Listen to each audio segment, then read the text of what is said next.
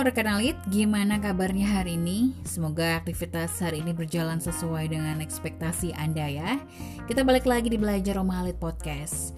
Dan hari ini kita akan membahas tentang bangunan minimalis ya. Kayaknya sih nama minimalis ini sebagai konsep bangunan ya tentunya. Ini memang sudah familiar banget di Indonesia ya. Gimana enggak? Karena uh, bangunan minimalis itu dilansir dari dekoruma.com itu punya kelas klasi kesan yang klasi gitu sleek dan memang jadi poin kuat.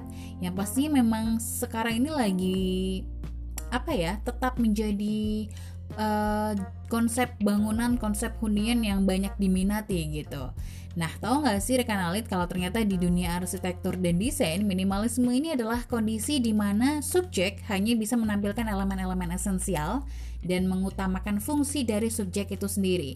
Dan desainer arsitektur minimalis ini berfokus pada koneksi antar elemen bangunan, pencahayaan, juga void yang tersisa pada suatu bangunan.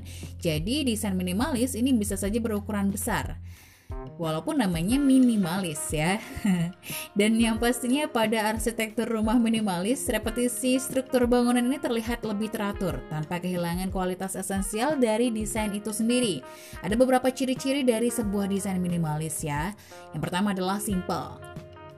Jadi uh, banyak dari rancangan desain rumah minimalis itu simple, to the point, dan efisien dengan banyak space dan hal ini membuat desain minimalis memiliki denah rumah yang gak rumit ditambah dengan dekorasi dinding minimal tapi punya storage yang banyak. Selain itu, desain bangunan juga mengutamakan banyaknya bukaan untuk sirkulasi udara dan masuknya sinar matahari. Yang kedua adalah bisa dilihat dari finishing dan pilihan warnanya. Nah, kembali lagi nih ke sifat utamanya yang mengutamakan fungsi atau finishing pada desain minimalis pun ternyata juga dibilang simple. Secara nggak langsung, hal ini membantu menonjolkan material yang dipakai, misalnya finishing batu bata, batu alam, atau kayu. Jadi, tidak banyak merubah lah ya.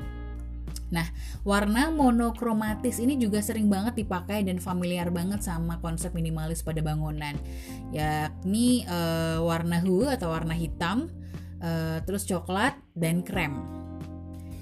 Selain itu, bangunan minimalis ini umumnya memiliki banyak bukaan dan cahaya. Nah, salah satu ciri desain minimalis yang paling kentara adalah kesan bersih yang dimiliki. Jadi, ada kesan bersih yang diperoleh dengan banyaknya bukaan agar cahaya ini bisa masuk. Jadi, tetap terang walaupun pencahayaan dari lampu atau pencahayaan buatan ini tidak banyak. Nah, ciri atau tipikal lainnya adalah hanya menggunakan furniture esensial dan dekorasi minim, sehingga tersisa banyak ruang kosong pada hunian. Nah, rekan Ali juga bisa menambahkan dekor tanaman hias untuk menampilkan kesan cozy dan juga hangat. Nah, hal terakhir yang bisa rekan Alit uh, pelajari dari ciri khas sebuah bangunan berkonsep minimalis adalah pilihan materialnya. Sini nggak boleh sembarangan ya. Pemilihan material ini dipertimbangkan dengan sangat hati-hati supaya bisa menunjang bentuk dan tampilan termasuk bentuk, warna, dan tekstur.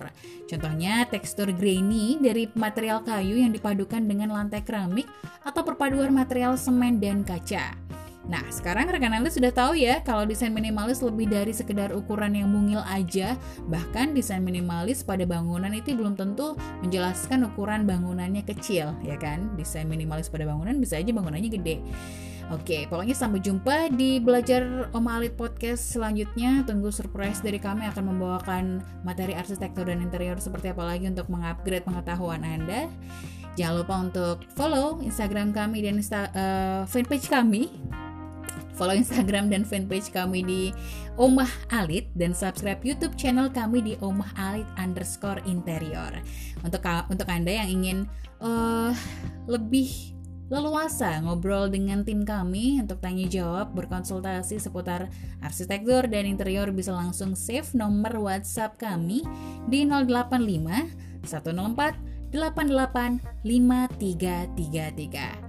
Om Alit, better living for today and tomorrow.